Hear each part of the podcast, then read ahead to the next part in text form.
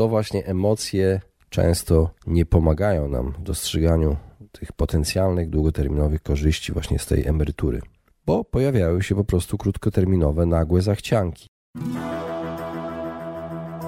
Jak odnaleźć się w finansach? Jak sprawić, by pieniądze służyły realizacji naszych celów życiowych? Na te oraz inne pytania odpowiadają goście podcastu Po ludzku o pieniądzach, którego partnerem jest Generali Investments TFISA i który mam zaszczyt prowadzić. Nazywam się Radosław Budnicki, na co dzień prowadzę podcast Lepiej Teraz i nie jestem internetowym guru zarabiania. Rozmawiam tylko po ludzku o pieniądzach z ekspertami, którzy zrozumiałym językiem tłumaczą zawiłości finansów i to, jak sprawić, by pieniądze nam służyły, a nie nami rządziły. Serdecznie zapraszam.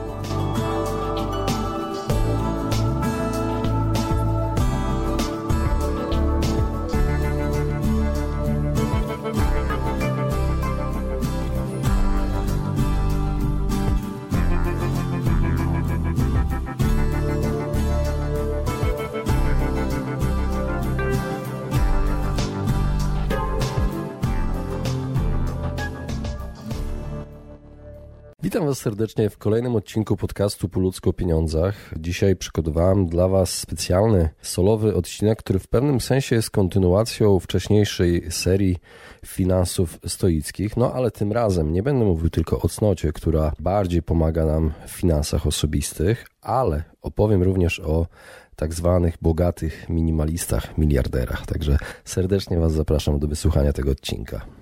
Stoicy wyróżniają cztery główne cnoty, które są fundamentalne, by iść ścieżką szczęścia według nich. Pierwsza jest mądrość, czyli umiejętność poznania i robienia tego, co słuszne. Druga sprawiedliwość, czyli uczciwość, życzliwość. Trzecia jest odwaga, czyli umiejętność wykonywania działań w obliczu trudności, przeciwności lub negatywnych konsekwencji. No i czwarte jest umiarkowanie, czyli zdolność do powiedzenia nie. Nie nadmiernej przyjemności, nie emocjom niepotrzebnym, które mogą być szkodliwe dla naszego umysłu. Stoicy wierzyli, że cnoty są dobre, a wady nie. Więc cnota prowadzi do szczęścia, występek nas po prostu pogrąża. Na przykład cnota. Cnota mądrości jest po prostu naszą zdolnością rozpoznania, co jest czym i wiedzą, że możemy bardziej świadomie kierować naszymi działaniami. Dla stoików tylko ich myśli i działania mogą być dobre lub złe, ponieważ to jedyna rzecz pod naszą kontrolą. Wszystko inne zupełnie jest klasyfikowane jako obojętne, ponieważ ostatecznie nie jest pod naszą kontrolą. I stoicy postrzegali rzeczy takie jak pieniądze, majątek czy sławę jako rzeczy obojętne. Według nich nie było to ani dobre, ani złe. Po prostu było. Jednak poszli nieco dalej z tymi podziałami. Według nich niektóre rzeczy są obojętne, ale preferowane. Na przykład zdrowie jest lepsze od choroby, przyjaciele są lepsi od samotności, bogactwo jest lepsze od ubóstwa. I wymienione rzeczy nie są dobre ani złe. Osąd ich dobra lub zła pochodzi wyłącznie z naszych zamiarów i działań. I chociaż stoicy przyznają, że dobra zewnętrzne mają wartość i na pewno zalecają ich dobre wykorzystanie, nadal twierdzą, że niewłaściwe jest nazywanie ich bezwarunkowo dobrymi. Tutaj pozwolę sobie zacytować Epikteta. Rzeczy materialne są obojętne, ale sposób, w jaki sobie z nimi radzimy, nie jest obojętny. No i może przejdę do chyba najważniejszej cnoty stoickiej, najważniejszej na pewno e, z punktu widzenia finansów. Najważniejszą cnotą według mnie, to jest subiektywne e, zdanie moje, jest umiarkowanie, czyli opanowanie. Wydaje mi się, że bez opanowania, umiarkowania nie jesteśmy w stanie przejść do cnoty mądrości, ponieważ żeby myśleć mądrze i mieć dobry osąd, należy być najpierw opanowanym, nie poddawać się emocjom, więc według mnie jest najważniejsze. No ale inni mogą mieć inne zdanie. Decyzje podejmowane pod wpływem emocji zwykle kończą się boleśnie dla Twoich relacji z ludźmi, dla zdrowia, kariery, no i bardzo często dla Twojego portfela. Emocje zakłócają rozpoznawanie potencjalnych pułapek, nęcących promocji w sklepach w momencie podejmowania decyzji. Emocje nie pomagają nam też w dostrzeganiu potencjalnych długoterminowych korzyści. Być może tej świecącej, akurat modnej, nie wiem, kurtki teraz nie potrzebujemy, tych butów, e, które akurat e, są markowe i, i na topie. Po co właściwie chcę lecieć na koniec świata na dwa tygodnie? Zadaj sobie pytanie. Czy leciałbyś, gdybyś nie miał mediów społecznościowych, żeby móc się tym pochwalić na miejscu, na Instagramie czy na Facebooku? Warto zastanowić się, jakie emocje prowadzą nas do różnego rodzaju decyzji, w tym decyzji właśnie zakupowych. Emocje niestety nie pomagają nam też w dostrzeganiu potencjalnych długoterminowych korzyści, na przykład takich jak procent składany, poduszka finansowa, która przydałaby się nam akurat w takich czasach jak właśnie izolacja czy kwarantanna w gorszych wypadkach, kiedy nie możemy pracować ze względu akurat na pandemię. Na poduszka finansowa, która przydałaby się na okres bez pracy. Tak ważne właśnie dzisiaj. Tutaj najlepszym przykładem jest y, odkładanie na emeryturę IKE lub IGZE, czyli prywatna emerytura w trzecim filarze. To właśnie emocje często nie pomagają nam w dostrzeganiu tych potencjalnych długoterminowych korzyści właśnie z tej emerytury, bo pojawiają się po prostu krótkoterminowe, nagłe zachcianki. Nie wiem, droższy samochód wygrywa z długoterminową, nieporównywalną korzyścią, albo jakiś gadżet, albo jakaś wycieczka. Zawsze jest coś. Najlepszym przykładem jest właśnie odkładanie na emeryturę, o którym powiedziałem przed chwilą. Niewiele młodych osób o tym myśli. Ich nadwyżki często znikają w kieszeni producentów markowych ubrań lub dostawców bezmyślnych rozrywek. I tak naprawdę w pogoni za natychmiastową gratyfikacją marnotrawimy swoje dochody i oszczędności. Silny impuls przy kasie, reklama nowego gadżetu, który przestanie być używany po miesiącu i nie zapełni pustki w naszym sercu, mimo że nieświadomie wydaliśmy pieniądze, które miały spełnić tę rolę. Przypomniał mi się wywiad Tima Ferisa z jednym z gości, który powiedział, że w, ma taką propozycję, żeby w każdym sklepie w galeriach handlowych umieścić w klatce papuszkę, która by e, powtarzała zdanie It won't make you happy, it won't make you happy, it won't make you happy. Po prostu to nie sprawi, że będziesz szczęśliwy, to nie sprawi, że będziesz szczęśliwy, to nie sprawi, że będziesz szczęśliwy. Także powtarzała w kółko nam w momencie, kiedy chcemy kupić coś niepotrzebnego lub za drogiego. Wydaje nam się też, że e, masa fotek e, z plaży na drogich wakacjach sprawi, że nas polubią inni. Wydajemy nasze pieniądze bez odrobiny refleksji. No, jak mawiał Publiusz Syrus, często powtarzam to zdanie i będę powtarzał do znudzenia. Chcesz mieć wielkie imperium, rządź samym sobą. No i pojawia się cnota mądrości, której tak bardzo potrzebujemy. No ale zastanówmy się nad tym, jakich rozrywek sobie dostarczamy na co dzień.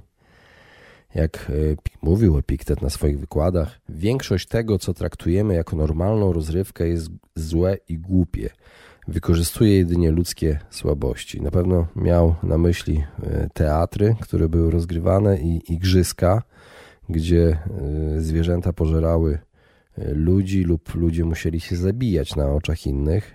Nie lubił igrzysk, nie lubił walk gladiatorów. Ale możemy przełożyć to, tą rozrywkę na chociażby, nie wiem, hazard dzisiejszy, kasyna.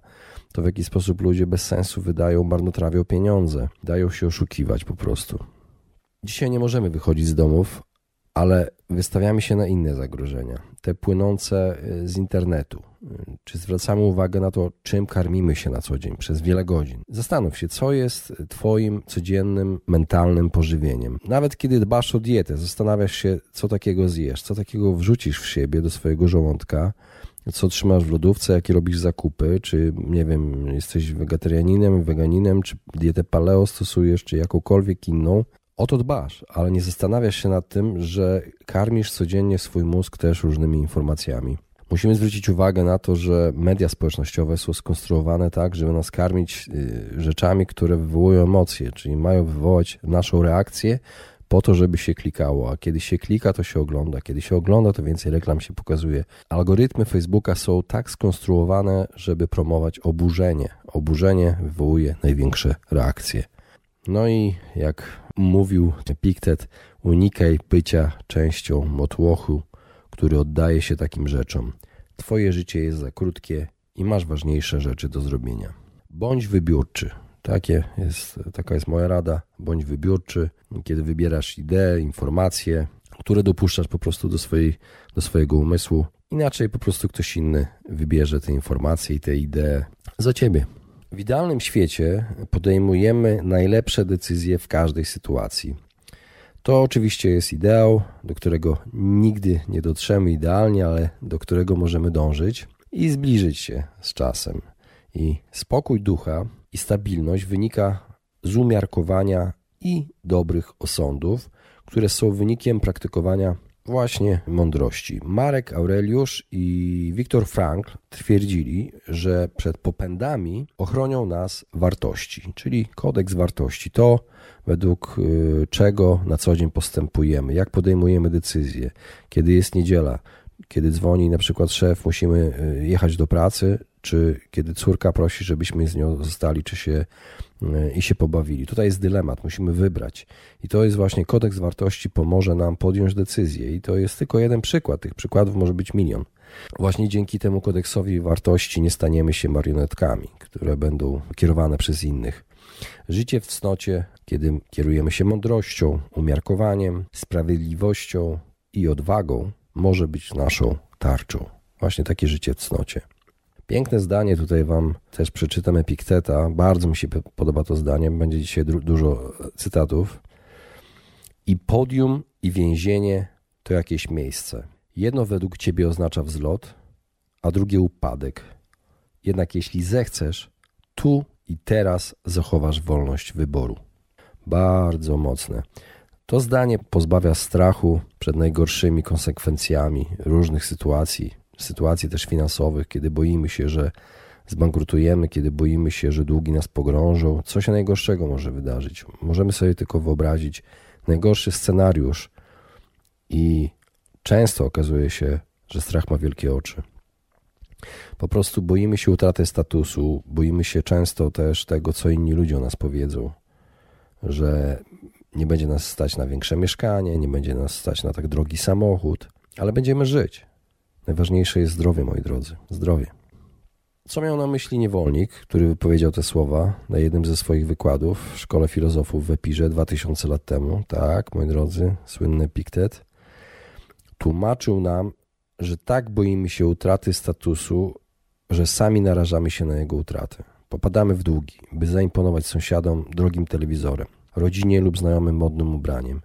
Obwieszamy się drogimi gadżetami, świecidełkami, tak jakbyśmy chcieli krzyczeć kochajcie mnie. Kiedyś byliśmy kochani przez naszych rodziców bezwarunkowo, ale kiedy dorośliśmy, te czasy po prostu już się skończyły, więc próbujemy kupować tę miłość e, różnymi rzeczami, przedmiotami, i pragniemy szacunku innych ludzi. Staramy się zdobyć ten szacunek, ubierając się w drogi garnitur lub kupując naprawdę przesadnie drogą torebkę, która ma jakiś tam napis. No ale na ratunek przychodzą e, stoicy ze swoimi cnotami. Mamy odwagę, która prowadzi nas do właściwego postępowania pomimo naszych obaw i zastrzeżeń. Mamy sprawiedliwość, która promuje uczciwe działanie które przynoszą korzyści całej społeczności, w której żyjemy.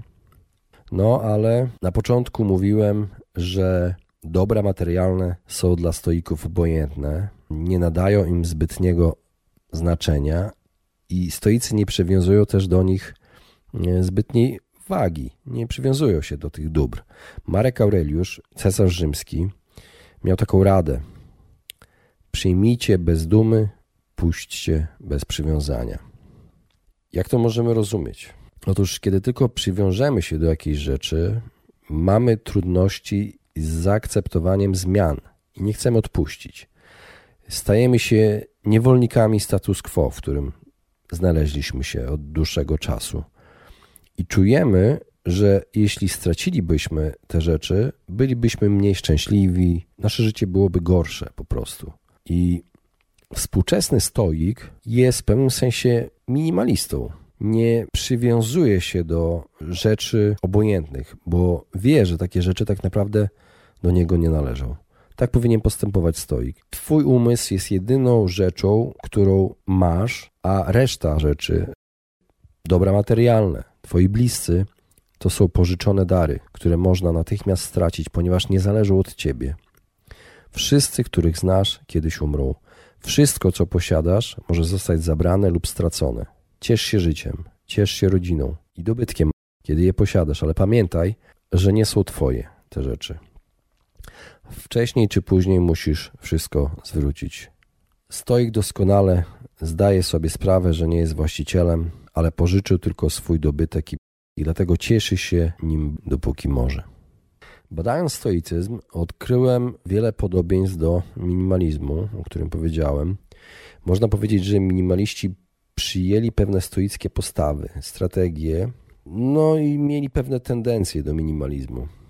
Kiedy mówimy o minimalistach i pieniądzach i podejściu do pieniędzy, stoików lub e, wielkich ludzi, którzy mieli tendencję do minimalizmu, należałoby zacząć od e, Sokratesa.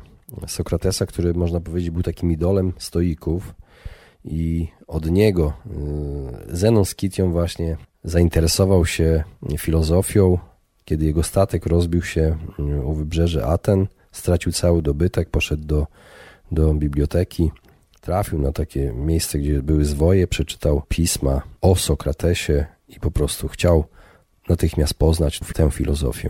Jaki był Sokrates? Sokrates uważał, że najlepszym sposobem na życie jest poszukiwanie cnoty zamiast poszukiwania e, materialnego bogactwa.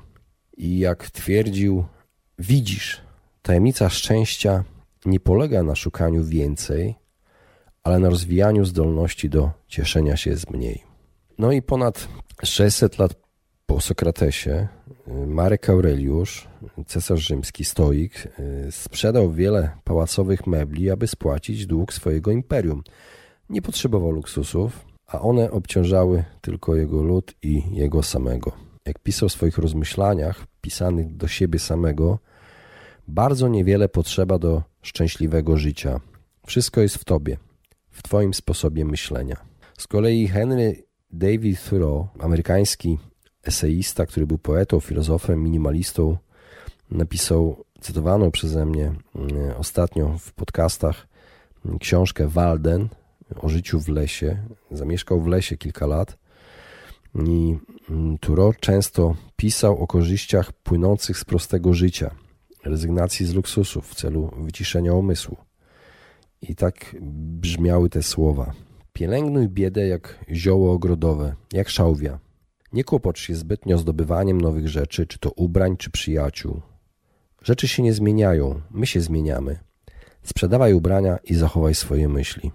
Z kolei miliarder Warren Buffett miał, miał, ma ogromny majątek, a do dziś mieszka w tym samym domu, który kupił w 1958 roku za 31,5 tysiąca dolarów.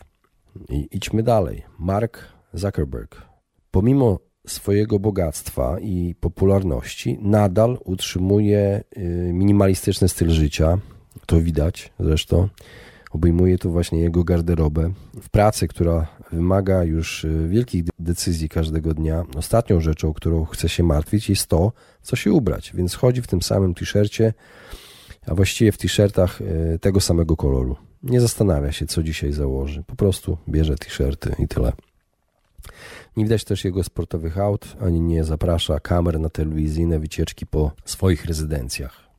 Kto jeszcze był takim znanym, bogatym minimalistą i spełniał, można powiedzieć, stoicką, stoickie kryterium cnoty umiarkowania, życia w umiarkowaniu i w umiarze. Ingvar Kamprad Właściciel Ikei do końca życia jeździł starym Volvo i mieszkał w skromnym domu. Żył nieco oszczędnie, rzucił wyzwanie swoim pracownikom zarządzającym, aby robili to samo, wydając zasady firmy, które nakazywały podróżowanie w klasie ekonomicznej, a nie pierwszej klasie. Przebywał w tanich motelach i jadł niedrogie jedzenie w drodze. To samo zresztą nakazał swoim pracownikom. Nie wiem, uważany był często za skąpca. Leonardo DiCaprio, wielki zwolennik ochrony środowiska, często przekazuje darowizny na rzecz organizacji charytatywnych. Jest właścicielem Toyota Prius. Niezbyt efektowny samochód, jak wiadomo, ale e, ekologiczny. Steve Jobs, Steve Jobs był zwolennikiem minimalizmu i znalazłem w internecie taki fragment wypowiedzi byłego dyrektora generalnego Apple, Johna Scaliego, który powiedział kiedyś w wywiadzie: Pamiętam, jak wchodziłem do domu Steve'a i prawie nie miał w nim mebli. Właściwie miał zdjęcia Einsteina, którego bardzo podziwiał, i miał lampę Stephanie, krzesło i łóżko. Po prostu nie wierzył w posiadanie wielu rzeczy, a był niesamowicie ostrożny w tym, co wybrał. Tak, moi drodzy, wielu prawdziwie bogatych osób nie pokazuje tego, że są bogaci. Żyją w pewnym sensie tak jak Szwedzi, opisani w odcinku 36 podcastu Po ludzko pieniądzach, w którym mówiłem o lagom. Szwedzi, którzy obnoszenie się ze swoimi sukcesami finansowymi uważają za pozbawione dobrego smaku. Często żyją skromnie, noszą tanie, proste ubrania. Dlaczego? To nie dlatego, że ci ludzie są skąpi, to dlatego, że ważne dla nich rzeczy są po prostu tanie. Najlepszym przykładem takiego ducha jest IKEA. Nic dodać, nic ująć. No ale wróćmy do naszych bogaczy. Dlaczego są tacy? Otóż nie skończyli tak przez przypadek. Ich styl życia wynika z ustalania priorytetów. Po prostu interesują ich rzeczy, które niewiele kosztują, w wyniku czego każdy dochód pozwoliłby im swobodnie realizować to, na czym im najbardziej w życiu zależy. Zdarza się, że bogaci stali się po prostu ponad wszelkie swoje oczekiwania, nagle. I to zdrowe podejście do rzeczy, które kochają robić najbardziej na świecie, oznacza, że mogą cieszyć się swoim życiem. Robić to, co chcą, bo to, co lubią robić, nie kosztuje wiele i może na to sobie pozwolić tak naprawdę wielu z nas. Także warto studiować, warto studiować ich życie, te, tych osób, które wymieniłem. Po prostu oznacza to, że te osoby, mając takie priorytety, wybierając takie rzeczy, nadal będą zadowoleni. Nawet jeśli rynki się odwrócą lub ich kariera zostanie przerwana, na przykład przez jakiś e, wypadek. Ci ludzie bogaci eliminują niepoważne wydatki. Im bardziej stresujesz się płaceniem swoich rachunków, tym mniej możesz się skoncentrować na, na celach. Im bardziej jesteś oszczędny, masz więcej możliwości. A im więcej rzeczy po prostu mm, pożądamy, chcemy mieć, cały czas musimy kombinować, jak więcej robić, żeby nowe rzeczy, cały czas nowe rzeczy kupować. I przez to tracimy życie. Mniej cieszymy się życiem. Jesteśmy mniej wolni. Istnieją dwa sposoby, aby być bogatym albo uzyskać wszystko, czego tylko pragniemy, lub po prostu chcieć tego wszystkiego, co już mamy. Wybierz, co jest łatwiejsze w tym momencie. Także, moi drodzy, na koniec chciałbym jeszcze powiedzieć Wam o podziale tej cnoty umiarkowania na samokontrolę, dyscyplinę, skromność i rutynę, e, która e, z kolei pomaga w osiąganiu celów. No ale skupimy się na samokontroli tylko. Otóż nauczyciel Epikteta, Musonius Rufus, często mówił o jedzeniu. Z tego powodu jedzenie nie było bez znaczenia. To, co jemy, ma znaczące konsekwencje. Uważał, że doskonalenie naszych apetytów w jedzeniu i piciu jest podstawą do praktykowania samokontroli. No miał rację. No, w tym momencie możemy zacząć oszczędzać na jedzeniu, ale pozbawiając się jedzenia albo jedzenia smakołyków, też doprowadzamy do tego, że poprawia się nasze zdrowie. Więc y, wiem, że to nie jest proste. Sam mam z tym problemy. Najbardziej walczę z samokontrolą niejedzenia pieczywa. Kocham pieczywo. Kto nie kocha pieczywa, niech pierwszy rzuci kamieniem. Pozwólcie, że przeczytam fragment Epikteta z o jedzeniu na uczcie. To jest niesamowita metafora tego, jak powinniśmy się w życiu zachowywać, jeśli chodzi o konsumpcję generalnie konsumpcję, nie mówię o konsumpcji e, jedzenia. Pamiętaj, że w życiu winieneś się zachowywać jak na biesiadzie. Postawię przed tobą wokół krążącą misę, wyciągnij rękę i przyzwoicie weź swoją część. Idzie wróg dalej, nie zatrzymuj. Nie doszła jeszcze do ciebie, nie wódź za nią z dala złaknionymi oczami, ale czekaj spokojnie, aż ta misa stanie przed tobą. Tak samo się zachowuj wobec dzieci, tak samo wobec żony, tak samo wobec godności, tak samo wobec bogactwa, a staniesz się kiedyś w przyszłości godnym współbiesiadnikiem bogów. A jeśli znowu nawet nie sięgniesz ręką po zastawione przed tobą potrawy, wtedy to już nie tylko będziesz współbiesiadnikiem, lecz nadto współrządcą bogów. Przyjemność, moi drodzy, szczególnie uczucie pożądania, jest jednym z największych triggerów potrzebnych do praktykowania mądrości, więc najważniejsze jest umiarkowanie, żeby móc w stanie, móc w stanie osiągnąć ten dobry osąd i być mądrym. Musimy pamiętać, że stoicy powinni być obojętni na przyjemność. Tego uczą stoicy. Czy nam się podoba ta filozofia? Czy tobie się podoba ta filozofia? To już zależy od ciebie. Ja tylko chciałem dzisiaj wam przedstawić niewielki wycinek tych nauk, które być może weźmiecie dla siebie lub po prostu podzielicie się z kimś, a jeżeli nie, to po prostu dziękuję wam serdecznie za wysłuchanie i życzę wam wszystkim e, miłego dnia, no i uważajcie na siebie i życzę wam też dużo zdrowia. Pozdrawiam.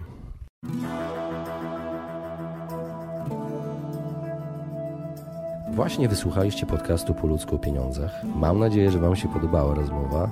Jeżeli Wam się podobała, poświęćcie swój czas, proszę, by pozostawić swoją recenzję na iTunes. Jeżeli macie pytania lub e, propozycje dotyczące kolejnych audycji, piszcie do mnie na fanpage'u Po ludzku o pieniądzach i do usłyszenia w następnym razem.